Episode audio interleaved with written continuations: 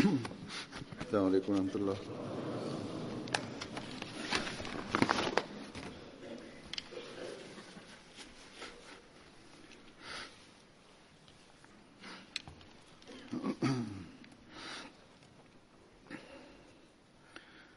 أشهد أن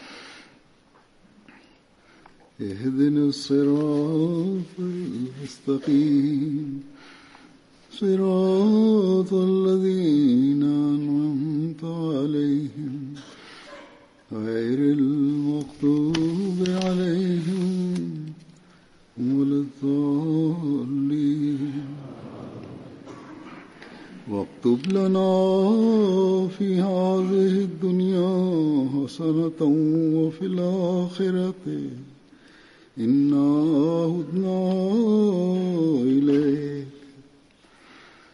قال عذابي يصيب به من أشاء ورحمتي وسعت كل شيء فساكتبها للذين يتقون ويؤتون الزكاه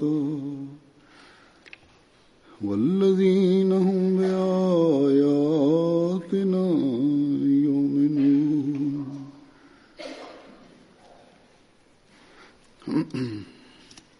Kaže, prevod ovog ajeta glasi ovako.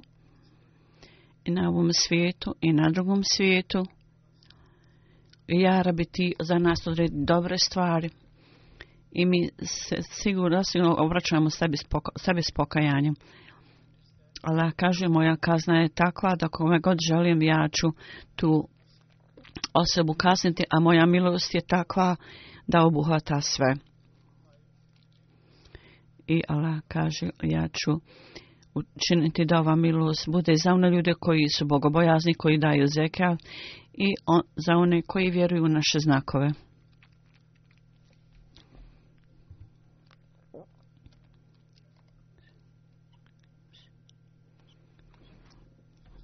Husur kaže da Allah Đelešanhu u pogledu svojih robova ima neobičnu stranu dobro dobrotvornosti i dobroti. I na drugom mjestu kaže, Allah kaže, moja milost obuhvata sve. Rahmet znači biti ljubazan, biti milostiv.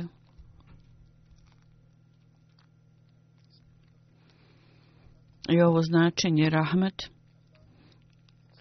da Allah prema svojim robovima se obhodi sa ljubaznošću i previđa njihove mahane i propuste i nema granice tome. I Allah prema svojim robovima ima svoj ljubazno tretman prema svojim robovima i nema granice tome. to nije ograničeno. I ova odluka milosti Allahove, a njegov tretman prema robovima je toliki da obuhata sve. U svojoj milosti, rahmenijatu i rahimijatu, oni su dio toga, milosti i sa sažaljenjem. I ovo je značenje ove milosti je da čak bez traženja on je stvorio jako mnogo stvari, a da ljudi čak nisu ništa tražili. Zatim Rahimijat je od ona da oni ljudi koji služe Allaha u put i oni koji mole Allaha ovaj onda rahimijati manifestacija toga. On, Allah Đelšanhu kaže ovdje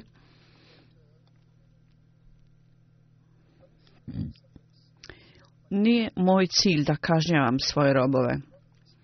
Jako je mnogo nerazumijevanja o ovoj stvari i pitaju ljudi zašto su ljudi kažnjeni jesu li ljudi stvoreni da budu kažnjeni? Ovo je njihovo nerazumijevanje. Allah Đelšanu kaže, jeste, moja kazna i moj gnjev dolazi na oni, one ljudi, onim ljudima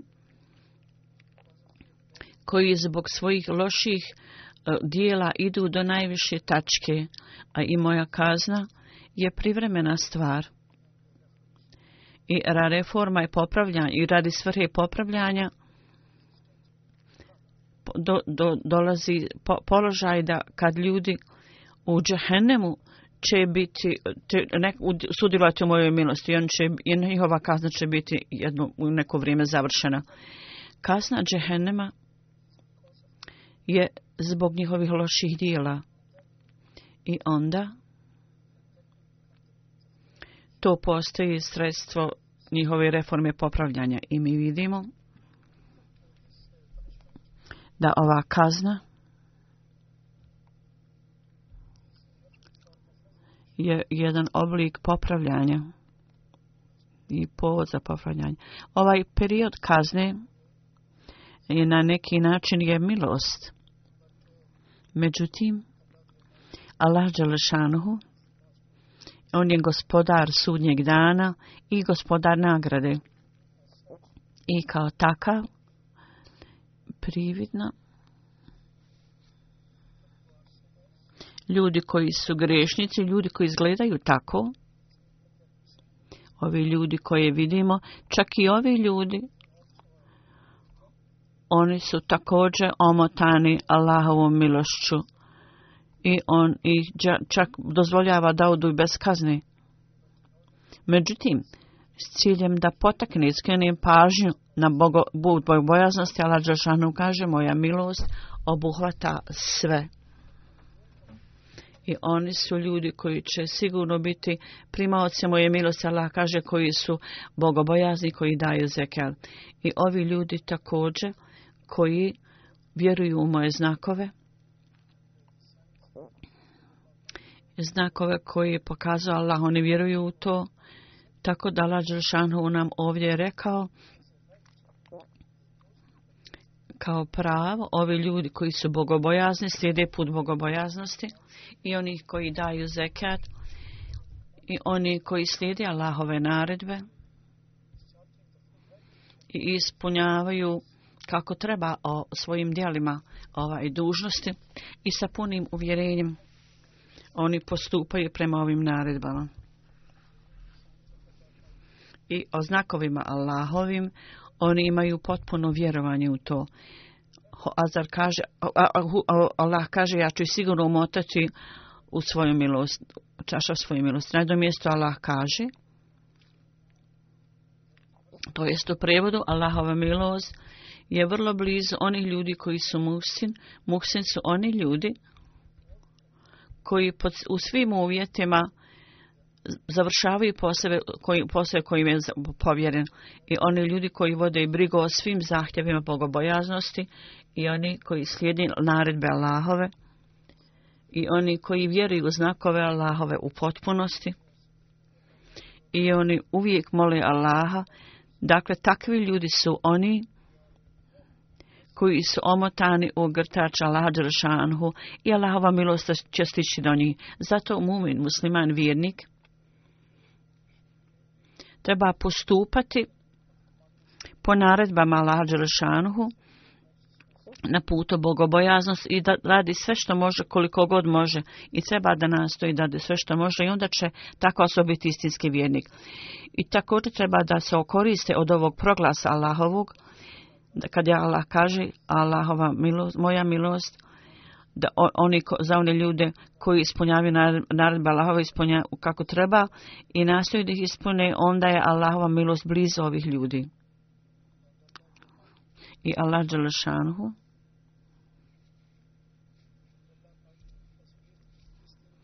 je učinio ovu stvar na sebe obavezujućom i ovo je bilo zapisano, određeno za njih. I ako tako budete radili, onda širina moje milosti će vas omotati.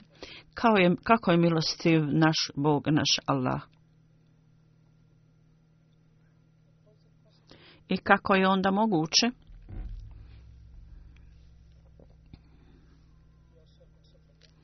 Mi smo Allahovi robovi.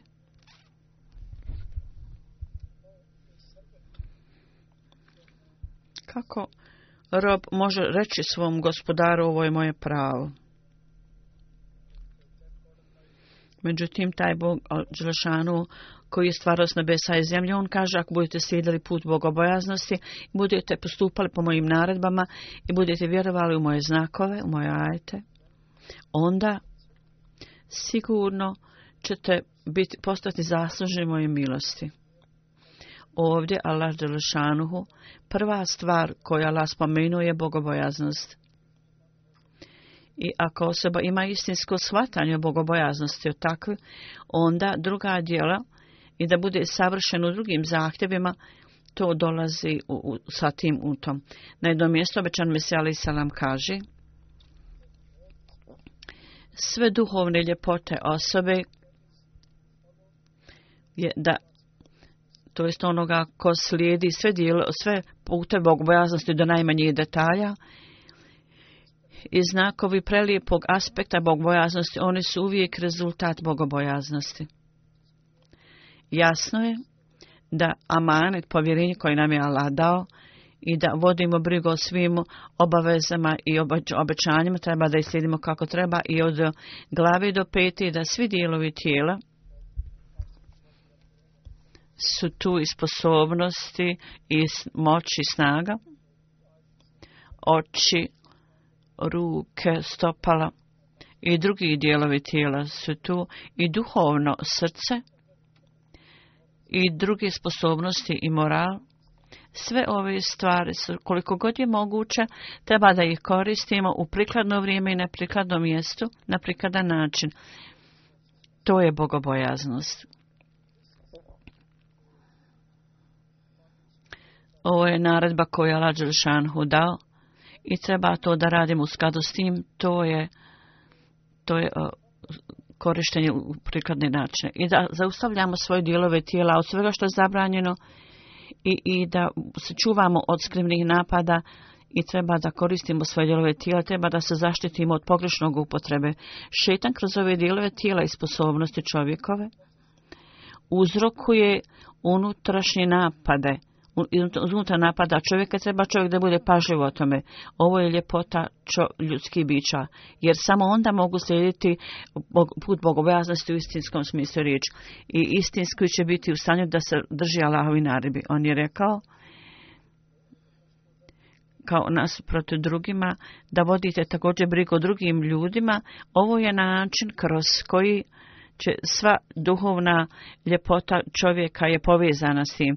Allah u časnom Koranu je spomenio bogobojaznost takvu kao odjeću i kaže to je najbolja odjeća je časni Koran, to je u potrebu časnom Koranu. Ovo pokazuje na stvar da duhovna ljepota i ukras to je rezultat bogobojaznosti, a takva bogobojaznost znači da čovjek, osoba, treba da sam manet koji je Allah, Allah čovjeku dao i sve obaveze i zavjete koje je dao i sve povjerenje treba da prema, i prema Allahu i prema drugim ljudima treba da vodimo brigu o tome. to znači čak u najmanjim stvarima treba da udovoljimo, da se toga držimo i da idemo u svaki detalj tih stvari. I svaka stvar, koliko god je moguća za čovjeka, koliko god ima sposobnosti da čini, treba da slijedi sve ove stvari i postupa u skladu s tim. Tako da ovaj standard, ako osoba je u stanju da to postigne, onda je ovo stvar gdje Allahova milost postaje onda Allah se obavezao da će osoba učestovati u Allahovoj milosti, od Allah je odredio da će ovi ljudi biti primaoci njegove milosti. Kao što Allah rekao, jedan čovjek ne može zahtijevati ništa kao svoje pravo od Boga. Ovo je potpuno Allahova milost. Ovi dan kroz koji prolazimo su dani Ramazana. Ovo je još jedna sedmica zadnja ostala u pogledu koji časni poslanik Salala Ali Salem je rekao kad mjesec Ramazan dođe vrata džaneta su otvorena a vrata džehennema su zatvorena. I šeitan je zavizan u lance u ovom mjesecu. Samo muslimani se okoriste od ovog stanja. Samo oni ljudi se mogu oristiti koji istinski su vjernici. I oni slijedi naredbe Allaha Đelešanu. A sljedbenici šeitana oni se ne zaustavljaju od činjenja smutnji. U svijetu jako mnogo besmislica. Uobičajno se događaju i ne završavaju se mjesecu Ramazan. Dakle, ove radosna vijest je za vjernike. Da, i za one ljude koji slijedi put bogobojaznosti. I Allahovom milošću i Allahovom sažaljenju i Allah Đelešanuhu je za vas produži, proširi, uvećao svoj milost više nego prije. okoristite se od toga i nastavite da ispunite dužnosti prema Allahu Đelešanuhu. I postupajte prema njegovim naredbama i prema ispunjavanju dužnosti. da nas na ovu stvar, to se poslanik jednom prilikom rekao da osoba koja ispunjava zahtjeve koji se traže i namjera za sevap i nagradu ako obavlja namaz i badet, onda svi njegovi grijesi budu oprošteni.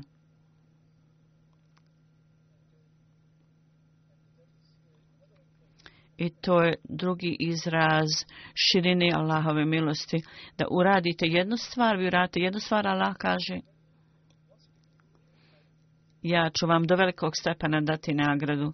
I na jako mnogo načina i puteva manifestacija Rahmirijata i Rahmanijata, Rahmanijata i Rahmijata su bili man pokazane. Međutim, sretni su jako ljudi koji zaista se koriste ovih dana Ramazana koji su preostali.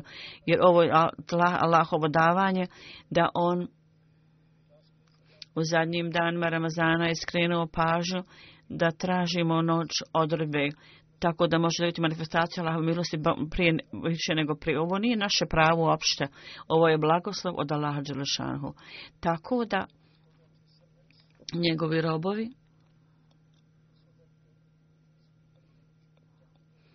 ovi ljudi budu ohrabreni da dođu sve bliže Allahu.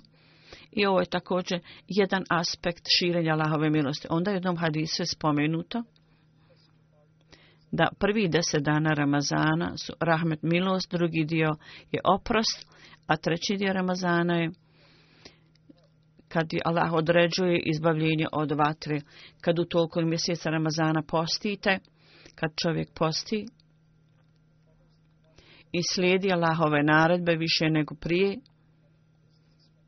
i uzdiši standard svog ibadeta i također popravlja svoju bogobojaznost onda ta osoba bude omotana u Allahovu milost, ogrtač Allahove milosti, više nego ikada prije.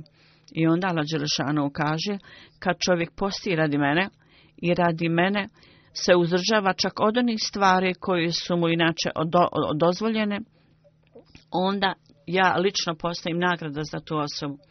Kad Allah Đelešanu postaje nagrada, onda ovo je aranžman oprosta. I kad je tu aranžman oprosta, onda oprost i primanje pokajanja osobe je tu. I onda osoba bude izbavljena od kazne vatre i on bude spašen od toga. Od vatre na ovom svijetu i također vatre na drugom svijetu. Međutim, uvjet je ovo da čisto radi Allaha Đelešanu postite, isto tako da postupate u skladu s naredbama i onda ovi postupci trebaju postati stalni dio vašeg života. I u Allahovoj milosti onda će to postati sredstvo, sve se povod da ostalo i ostali budete umotane u milu, šita lahu, u čaša Allahove milosti. U prvih deset dana Ramazana Allahova milost poslije deset dana ulazi u drugi dio i također u zadnjih deset dana Ramazana i stalno je sa osobom Allahova milost. Sve dotle do knjigovi postupci, u svojim postupcima on slijedi put bogobojaznosti i ima čvrstinu i e, i strajnu vjeri skupa s tim. Sve ove stvari čini u skladu s tim. I slično tome, njegov makfiret nije samo za deset srednjih dana. Zapravo on se nastavlja do kraja, čak izvan toga on se nastavlja sa osobom. I dok god je osoba živa, to ostaje sa njom, sa tom osobom.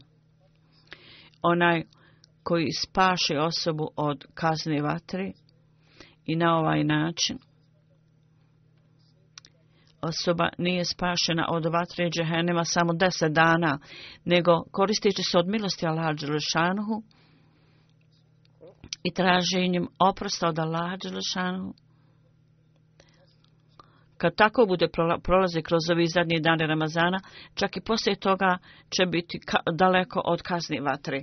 Inače, ako poslije Ramazana, ako isti svjetovni poslove čovjek nastavi i udaljava se od bogobojaznosti, ostane daleko od bogobojaznosti i ne posvećuje pažnju Allahovim naredbama i ako u tom bude slabosti i ne vodi računa o znakovima Allahovim, ako je takav slučaj, onda je to nešto na ovako, kao, kao da osoba stvara sebi do sigurno sjedište ili gnjezdo i onda svojom rukom to pokvari.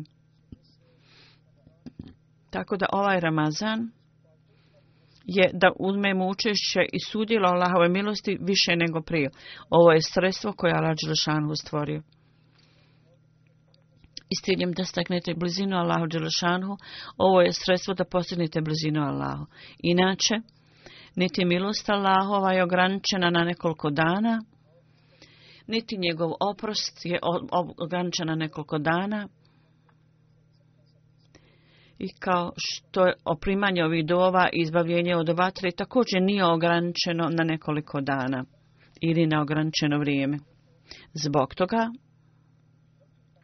Treba da se zamislimo nad ovim stvarima i da stalno razmišljamo o tome u ovo doba i ovo vrijeme na svakom koraku. A sistem mislimo da li Salam nas je uputio kako možemo dobiti blizinu Allahu, steću blizinu Allahu i šta je stvarnost u vezi s tim. Kako možemo uzeti, učestvovati u Allahovoj milosti i kako možemo kako Allah pravi aranžman da nas umota u svoju milost i kako nas Allah blagoslovi i kako Allah pravi aranžman za naš oprost i kako mi treba da se borimo da, da dobijemo Allahov oprost tako da postanemo, tako da to bude stalno s nama, da ostane s nama za stalno i za ovu svrhu, ja ću pročitati neke ističke iz pisanja obećanog Mesije. A za to obećani Mesija, ali i selam, kaže, objašnjajući ovaj ajet koji sam provučio, on kaže, Allah Đelešanu kaže, kome god želim, ja ću dati kaznu, a moja milost obuhvata sve.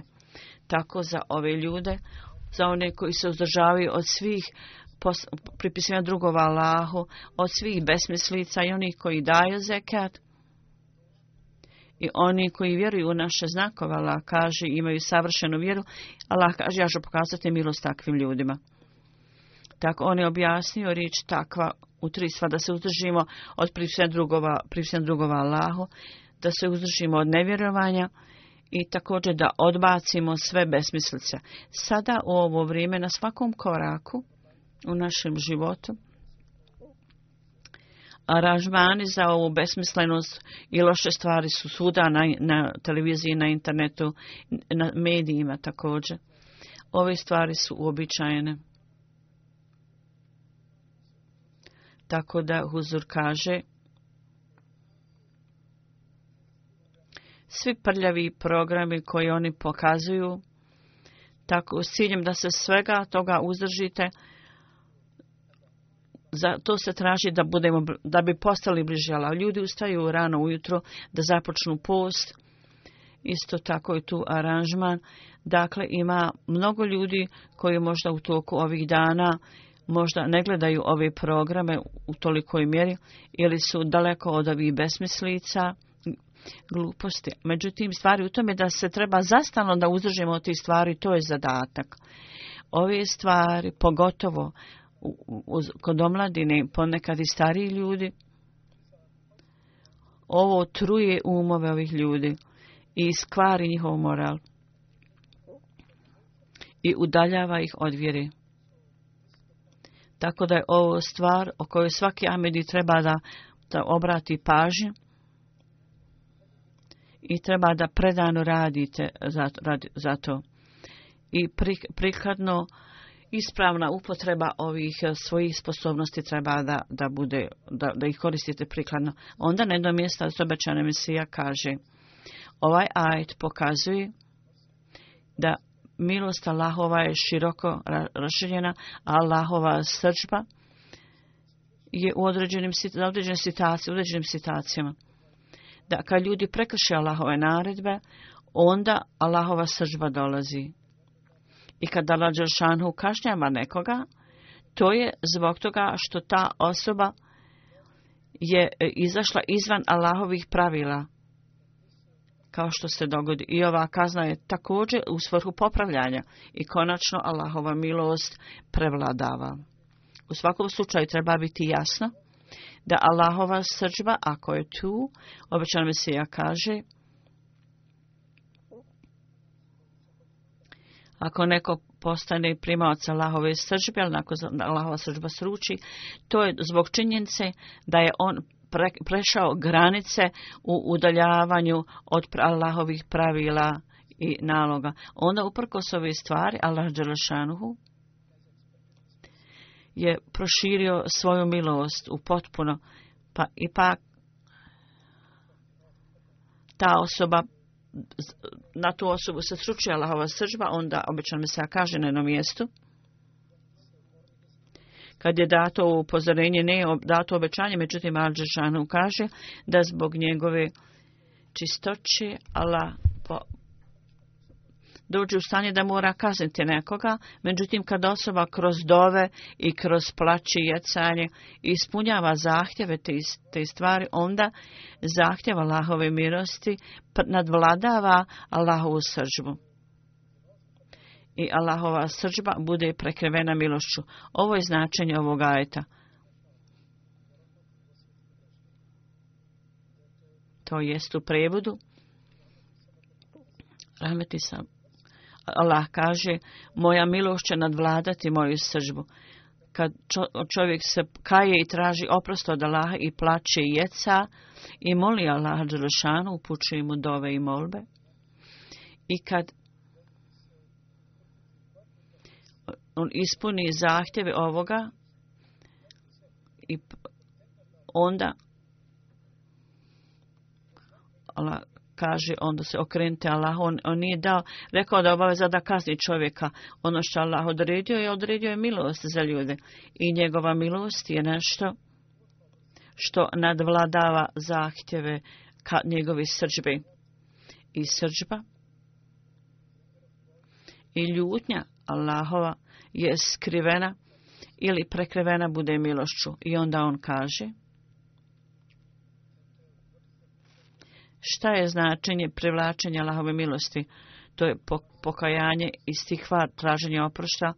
I šta je značenje toga? I šta je stvarnost toga? On kaže, istikvar, istinsko značenje istikvara je da molite Allaha Đelešanuhu da bilo koja slabost ne bude u vama i da molim Allaha da vam Allah dadne pomoć i potporu i da molite Allaha da vas čuva pod svojom zaštitom i da ako ima ikakvu slabost u ljudima, ljudi su slabi i da te, te slabosti onda ne postanu vidljive. I ljudska priroda, Allah Đelešanu u svojoj moći daje pomoć tome, ljudskoj prirodi, i čovjek onda bude u stanju da se uzdrži od toga da čini grijehe ovaj svoj, ovaj svijet iz gafor znači prekrivanje. Značenje je, znači da al u moći osoba koja traži oprost, onaj koji čini isti kvari traži oprost, prirodne slabosti od, druge slabosti, sve onda te slabosti budu, Allah prekrije sve te slabosti. Zbog ovih slabosti, on, čovjek čini grijehe i Allah daje onda čovjeku snagu da ne ih ne čini. Poslije toga općenito značenje prošireno i ovo značenje također da Allah Đerašanhu prekriva grijehe koje čovjek već počinio. I šta god je čovjek već učinio, Allah to prekriva. i, i Allah šti, štiti osobu od zlih posljedica toga i također kazne koja možda dođe kao rezultat toga. Međutim, stvarno istinsko značenje je da Allah Đelešanuhu svojom Božijom moći osobi koja traži oprost, a Lađelšanu spašava tu osobu od prirodnih slabosti i on im daje snagu svojom moći, daje im znanje svog znanja i od svog svjetla daje svjetlo ovim ljudima.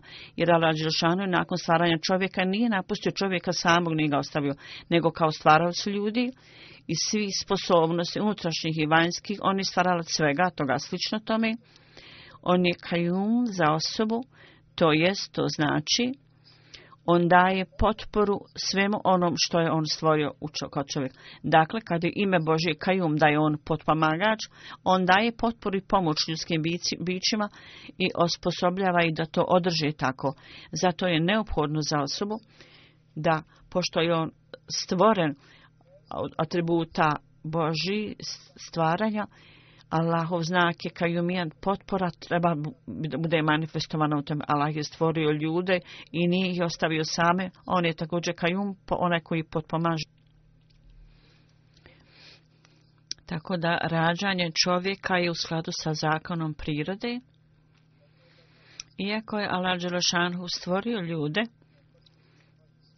i njegovo rađanje sa, uz Allahovom naredbom, međutim, uz Allahovu naredbu, napor i kako god je zakon Allah odredio, čovjek treba da prolazi, pruži kroz tu, taj proces i kroz taj zakon. Tako on kaže, stvaranje ljudi, napor sa strane ljudi i on rezultat toga, Allah poslije toga stvara rezultat toga. On, tako da je ne, neophodno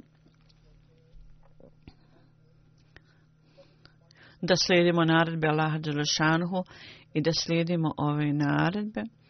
I ovaj atribut kajumijata potpore i pomoći također treba biti manifestovan i pokazan i osoba treba da nastoji da steknete u pomoć ovog atributa. I s da slijedite naredbe Allaha, treba da činite, činite i badati namaz i tražite oprost i posjetite pažnju tome. Tako da Allah Đelešan, ovaj njegov atribut kajumijata prizivajući ovaj atribut, Allah čovjeku daje moć kroz koju osoba bude u stanju da slijedi naredbe Allaha Đelešanuhu. I onda dalje, u daljem objašnjenju obećana Mesija kaže da zato za ljudska bića je prirodin, prirodan zahtjev ova istikvar se traži i radi ovoga je Allah naradio i kaže u Koranu Allahu la ilaha illa el hayul kayyum da, je Allah Đeršanu stvaralac i pomagač. Kad je osoba stvorena, onda zadatak stvaranja je završen, ali zadatak potpore nije završen. I onda atribut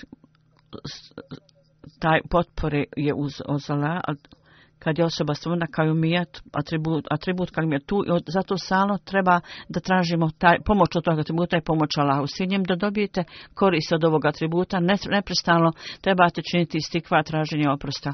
Da blagoslov je povezan sa svakim Allahovim atributom i istikvar je tu da dobijete korist od tog kajumijeta. Allahove pomoći, potpore. Onda istikvar je da dobijete dobrotvornost od tog atributa je tako što da se koristite od toga, onda treba da činite isti kvar i tražite oprost od Allaha. I sposobnosti i mogućnosti Allahove koje je Allah dao ljudima i moći i snaga koje im je Allah dao, sve ove stvari Allah daju daje, Allah, daje čovjeku snagu da slijedi sve ove atribute. I Kaže u surat Fatih, jake nabdove, jake nestin, spomenuto je, o Allahu mi tebe obožavamo i od tebe samo tražimo pomoć da tvoj kajumijat i rabubijat, ovi atributi Allahovi, da dođu nama u pomoć i da nas zaustave, da, ne posrnemo i da ne bude nikakve slabosti kod nas, da ne budemo u stanju, da ne činimo i badet. Ovo je temeljna stvar koju uvijek treba da imamo na umu i da kažemo, da Allah Đelšanu kaže, moja milost prekriva i omotava sve. Dakle, šta god hoćete, možete raditi i poslije toga tražiti oprost, to nije ispravno. Ovo nije neispravno. Allah Đelešanuhu je daje milost onim ljudima koji slijede njegove naredbe i drže ih se i traže oprost od Allaha uz to. Dakle, dalje objašnjajući značaj istih fara, se Mesija kaže da ima nekih ljudi da znaju šta je grijeh, ima nekih ljudi koji ne znaju šta i oni čini grijeh i potpuno su bezosjećajni ljudi.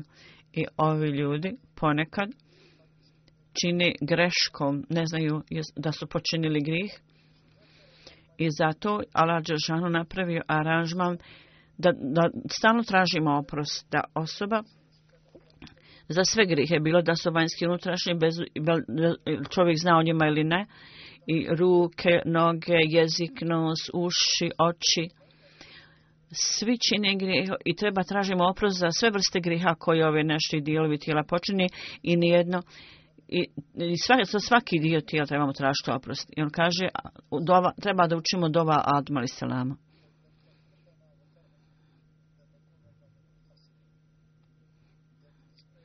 To jest ova dova Adem ali Salama je jedan put prihvaćena kod Allaha. Znači, o moj Allahu, ja sam grišio svoju dušu.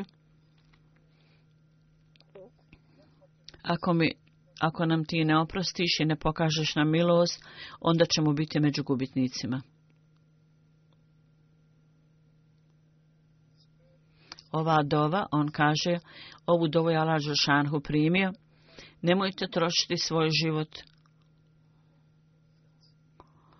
drugačiji I osoba koja uvijek to pamti i vodi računa o tom, nije moguće da onda bude uhvaćena u kušnjama koji su izvan njegove mogućnosti.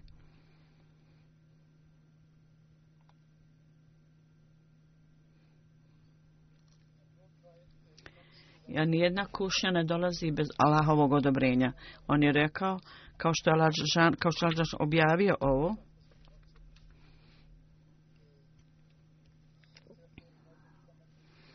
Dakle, Sim, da dođete u zaštitu Allaha i dobijete njegovu pomoć i da dobijete njegovu milost, treba doružiti napred, činite istikvar, to je neophodno.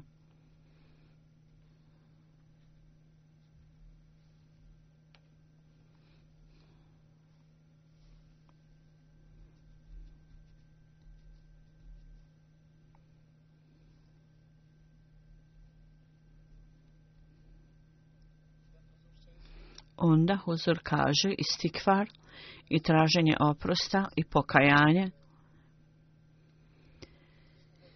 Ove dvije riječi su iskorištene da se napravi razlika između ovo dvoje. Obećana misija objašnjava, kaže, istikvar i teoba su dvije stvari.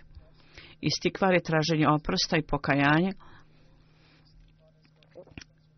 Istikvar u jednom stvarima ima prednost, a u drugom, jer prije svega traženje oprosta je prije pokajanja jer to je moć koja se traži od Allaha s ciljem da se uzdržimo od grijeha i da tražimo Allahovu uputu i pomoć.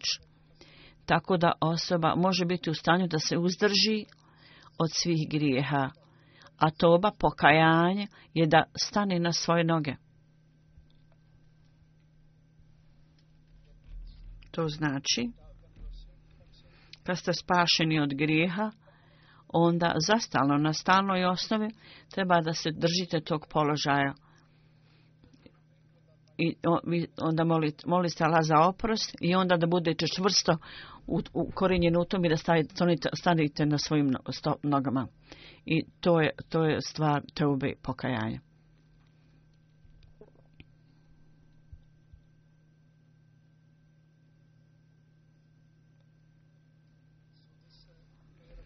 Tako da ova dova pokajanja je u svrhu da oprost, da molba Allahu da nas osposobi da se držimo toga i da nas izbavi od vatri, ako nam Allah dadne izbavljenje i da to izbavljenje bude zastalo i da na jedan, na jedan naš postupak ili što god smo uradili, sve stvari zajedno, u svim ovim stvarima, da ne bude ništa što može da vas povrijedi i da dođemo u takav položaj i onda da činimo pokajanje i istikvar i, i, i e, da se okrećemo Allahu da nas osposobi da budemo ustani čvrsti u tome da budemo potpuno daleko od grijeha i također da tražimo stalno Allahov oprost. Isto tako da budemo izbavljeni od kazne vatre. I on kaže, ovo je Allahova tradicija kad osoba traži traži od Allaha to, onda Allah ga ojačava i kroz tu moć onda čovjek je u stanju da stoji na svojim nogama. I imat će moć da čini dobra djela, a ne, ime toga je Vetubu i leke, okreći se Allahu. I on je rekao, oba, sposobnost bude postignuta posle istikvara. Ako nema istikvara, onda zapamtite da sposobnost činjenja tobe napusti čovjeka. Ako tako činite istikvar i onda se kajete, rezultat će biti to jest u prevodu, da će Allah Đerašanu za ograničeno vrijeme vam dati najbolju opskrbu i za taj period i Allahova tradicija je da ako istikvar i te oba obave i stvari budu tu, vi ćete dobiti svoj položaj, visok položaj. Za svako, osjećaj ima krug i treba da postignete sve više i više položaja. I svaka osoba, ne bi sidik, resulin, šedik i ovi položaj ali koji god je položaj Allah utvrdio i koji god položaj osoba hoće da postigne, treba da radite naporno da to postignete, a to je kroz istikvar i teobu. Objašnjavajući riječ teoba dalje, obećan mi se kaže, treba da bude jasno da teoba znači da se okrenete, da se vratite natrag. To je spomenuto ime Allahovo tevab da on se vraća stalno ljudima. To znači da kad osoba napusti grijeh i vrlo iskreno se okreni Allahu, onda Allah Đelšanhu dolazi čovjek tom osobi više nego prije.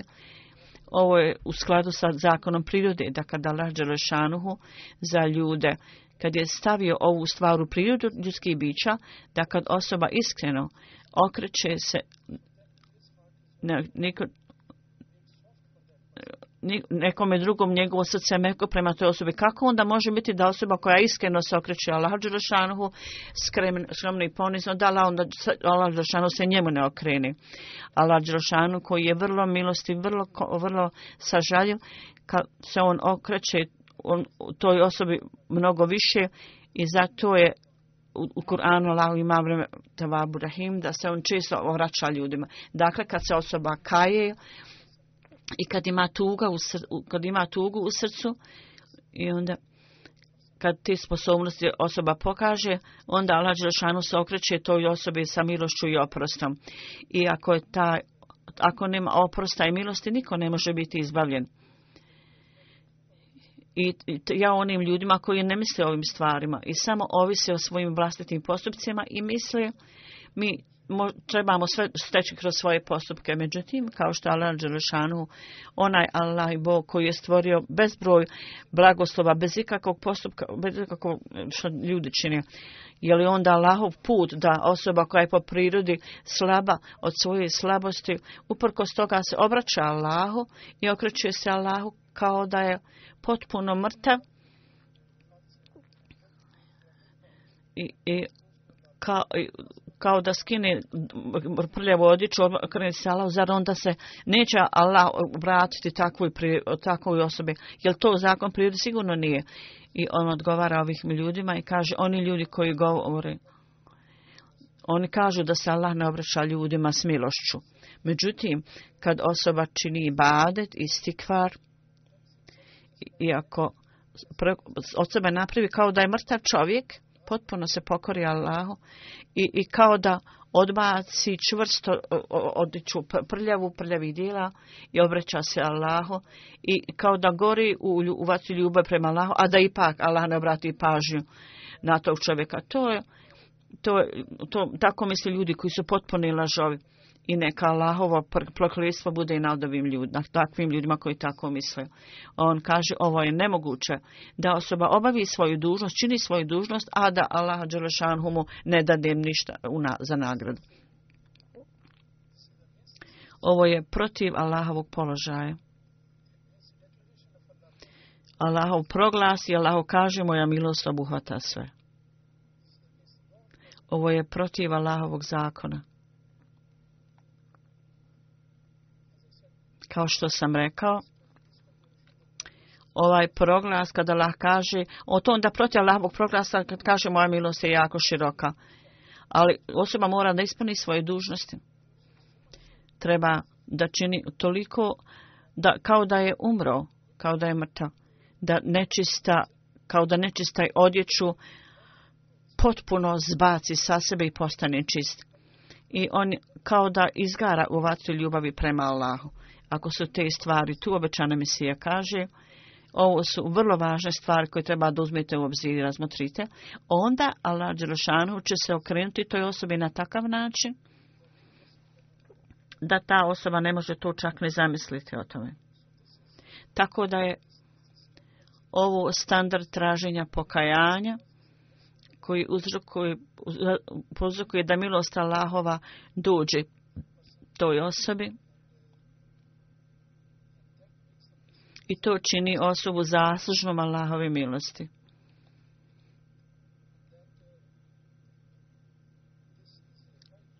I ovo je pravu odgovornost koje i odgovor koji je Allah da uzeo na sebe tu dužnost. Ono je spomenuo uvjete istinskog pokajanja s tim to, da to dobijemo. Šta osoba treba da radi i na koji način? I on kaže, za istinsko pokajanje su tri uvjeta. Prva stvar je da osobi, um osobe treba, čovjek treba da očisti svoj um od svih ovih stvari u koje se upuštao. I ovo ne može biti učinjeno bez, pri momenta kada kad on vr, sebi ne napravi u umu vrlo ružne slike o tim grijesima. Ako to budete učinili i onda protiv toga oslikate strašnu stvar, prezrivu sliku o tim grijesima, samo onda ćete uvidjeti to. Dakle, treba da potpuno odbacite potpuni koncept grijeha iz svojeg uma, od ovih stvari. I element nezadovoljstva i mržnje treba biti stvojeno prema ovim grijesima. I sve. I drugo, treba da bude pokajanje i stid kad, kad god se dogodi nešto radite pogrešno i da budete posjećeni u nekim stvarima, da vas neko podsjeti o nečemu lošim, da odmah osjećate pokajanje i stid. I to treba da dođe čovjek osobi na um. I ove poroke i, i privlačnosti treba da zna da su privremeni i da će uništiti njegov život, da čovjek toga bude svjestan i određeno vrijeme sve ove stvari će nestati. Ovo su privremeni užici. Drugim riječima, misao njegove savjesti je unutar njega i šta god je njemu bilo privučeno. Svaki put u podsvijesti nešto govori o sebi, to je loše i ovo razmišlja, ako je ovako razmišljanje prisutno i vi slušate svoj unutrašnji glas, unutrašnji glas sebe, onda ćete postepeno biti u stanju da se uzdržite od poroka. I treća stvar je da treba da bude odlučnost, vrlo čvrsta odlučnost i obećanje da nećete se približiti ovim stvarima i onda treba da budete čvrsti i ustrajni u tome i da imate snažnu volju za to. I onda će ovi poroci biti uklonjeni. Umjesto ovoga doći će dobre stvari.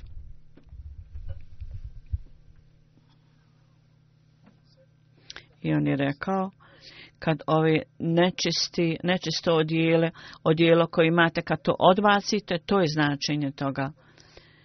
Treba da uložite određene napore i budite čvrsti u, tome čvrstom voljom i onda ćete dobiti Allahovu milost. I stikvar i te oba, obadove stvar traženja oprosta i pokajanja i isto tako od, da budete zaštićeni od tri džehenema. Ovo nije nešto dodatno i nije samo povezano sa životom na hiretu. Zapravo ovo je nešto i za ovaj je ovo za ovaj život i da budući za popravljanje i na ovom životu i na, budućem ljudi postignu stvarni napredak takve ljudi. Vidite u Kranu, Allah kaže rabenati atina fidunija befalariti wa azabna. O Allahu, naš gospodaru, na ovom životu daj nam sredstva udobnosti i također na budućem životu i podari nam blagoslove i naklonost i zaštiti nas od ova tri kazne. I prvo je Allah Đelšanu istakao riječ rabena, koja ukazuje na pokajanje, što znači da drugi bogovi koje osoba možda napravila u sebi, on će pobjeći od toga i prihvatiti vrlo nježno osjećanje u srcu i bez tog knjižnog časovcu ne može reći ako ne postigne mehkočustu, da izgovara rabbena, nije to samo riječima, nego da zaista od srca to osoba kaže. Neki ljudi prividno koriste ovu riječ i izgovaraju ovu riječ, međutim, stvarnost ove dove molbe je kad to dolazi iz dubine čovjekovog srca. I onda ovo je proces da postepeno čovjek ide nagore. Ovo su sredstva. Ljudi čine svoja vlastita sredstva i planove i ovise o tome.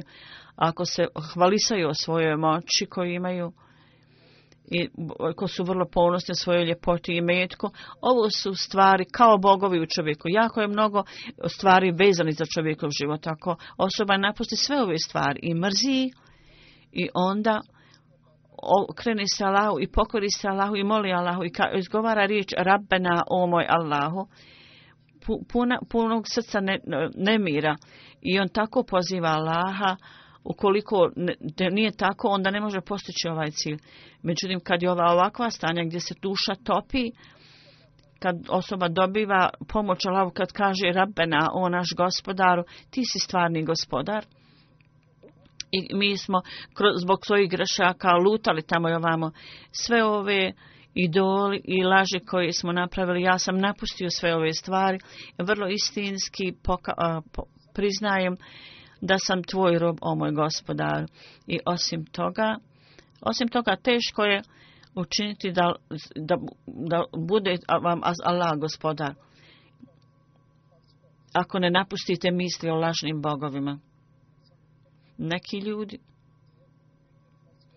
učinili su svoje lažne bogove i, ne mogu i lažu i ne mogu živjeti bez laži. Neki ljudi, kradljivci i ovi koji obijaju, oni ne mogu da se pokaju i kažu bez toga da im nema drugog sredstava oni Ovo su njihovi bogovi i njihovi ovi ljudi, ljudi koji onda ovise o svojim vlastitim naporima i, i onom što čine, Ovi ljudi ne nalaze nikakvu potrebu da traže pomoć Allahu. Jedina osoba koja treba pomoć je onaj za koje budu sva vrata zatvorena i onda dolazi ova dova o Rabbena, o naš gospodar. ovaj je posao onih ljudi koji istinski vjeruju da je Allah u njihov zaista istinski gospodar i čvrsto vjeruju da sva druga sredstva su potpuno beznačajna da nije vatra džehennema na sudnjem danu, nego čak na ovom životu, ako osoba dođe do starih godina i on vidi da ima ovdje jako velika vrsta, mnogo vrsta vatre i ljudi iskusi da razne vatre postoje, razne vrste kažnje kao e, krv, strah, e, suša, glad, poraz, poniženje jako mnogo hiljade stvari su prisutni. Zatim od djece, potomaka, djece, žene, članova poruce, sve ove stvari su kao vatra. I e, musliman moli Allah Đerašanhu, molim te, zaštiti nas od svih ovih vatri kad smo se uhvatili za tvoju ruku, zaštiti naš od svih ovih stvari. Sve ove stvari koji su kao vatra za ljude, da budemo zaštićeni od toga. Obećana Mesija, ali i Salami, jedan put rekao zajednici. Naša zajednica treba da Moli Allah rabbena atina fidunija sanatan vefela hriti hasanan vekina azabena, Ova dova ovu treba da stalno ponavljate, treba da obratite pažnju na ovu dovu tako da Allah Đerašanhu nas uzme u svoju zaštitu i da nas zaštiti od svih vrsta vatri, da nas Allah zaštiti od svega. obećana mi se Ali Salam kaže, u časnom Kur'anu Allah Đerošanhu je spomenuo, kratki sadržaj toga je o moji robovi, Nikad nemojte biti razočarani mnome. Ja, ima, ja sam milostiv, ja prekrivam grijehe i pokazujem milost svim ljudima. I niko ne može pokazati milost prema vama kako ja pokazujem. Vi mene volite više od svega drugog, jer ja sam, ja imam svoju ljubav veću prema vama nego bilo ko druga Ako dođete mene, oprostit ću vam sve, sve ako se pokajete, ja ću to prihvatiti. I ako dođete meni polako, onda ću ja doći vama trčići. I ako osoba koji traži mene, naći će me. I osoba koja se meni obrati, on će naći moja vrata otvorena. Otvorim. Za ljude koji se kaju, ja opraštam grijehe, ovi ljudi čak da su velika kobrda. Moja milost je velika. Moja srđba je manja, jer vi ste moje stvaranje i ja sam vas stvorio. Zato moja milost obuhvata sve vas. Da nas Allah Đašanhu osposobi, da budemo u stanju, da idemo ka lao čistog srca i da dobijemo njegovu bogobojaznost i da našu u svojoj vjeri i uvjerenju uvećamo svoju vjeru i uvjerenje i da cijelo vrijeme imamo, uzimam učešće od njegove milosti, da nikad ne dođe vrijeme da budemo lišeni njegove milosti zbog naših loših dijela da postanemo primoci njegove srđbe da Lađel uvijek pazi na nas očima milosti i ljubaznosti.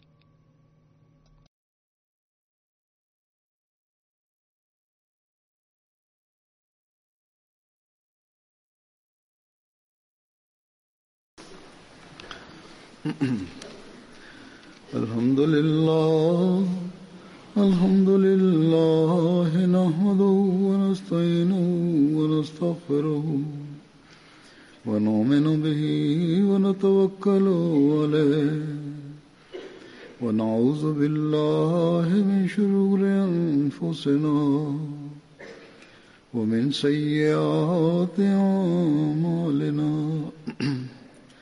من يهده الله فلا مضل له ومن يضلل فلا هادي له ونشهد أن لا إله إلا الله ونشهد أن محمدا عبده ورسوله عباد الله رحمكم الله إن الله يأمر بالعدل واللسان وإيتاء ذي القربى وينهى عن الفحشاء والمنكر والبغي يعظكم لعلكم تذكرون اذكروا الله يذكركم وادعوه يستجب لكم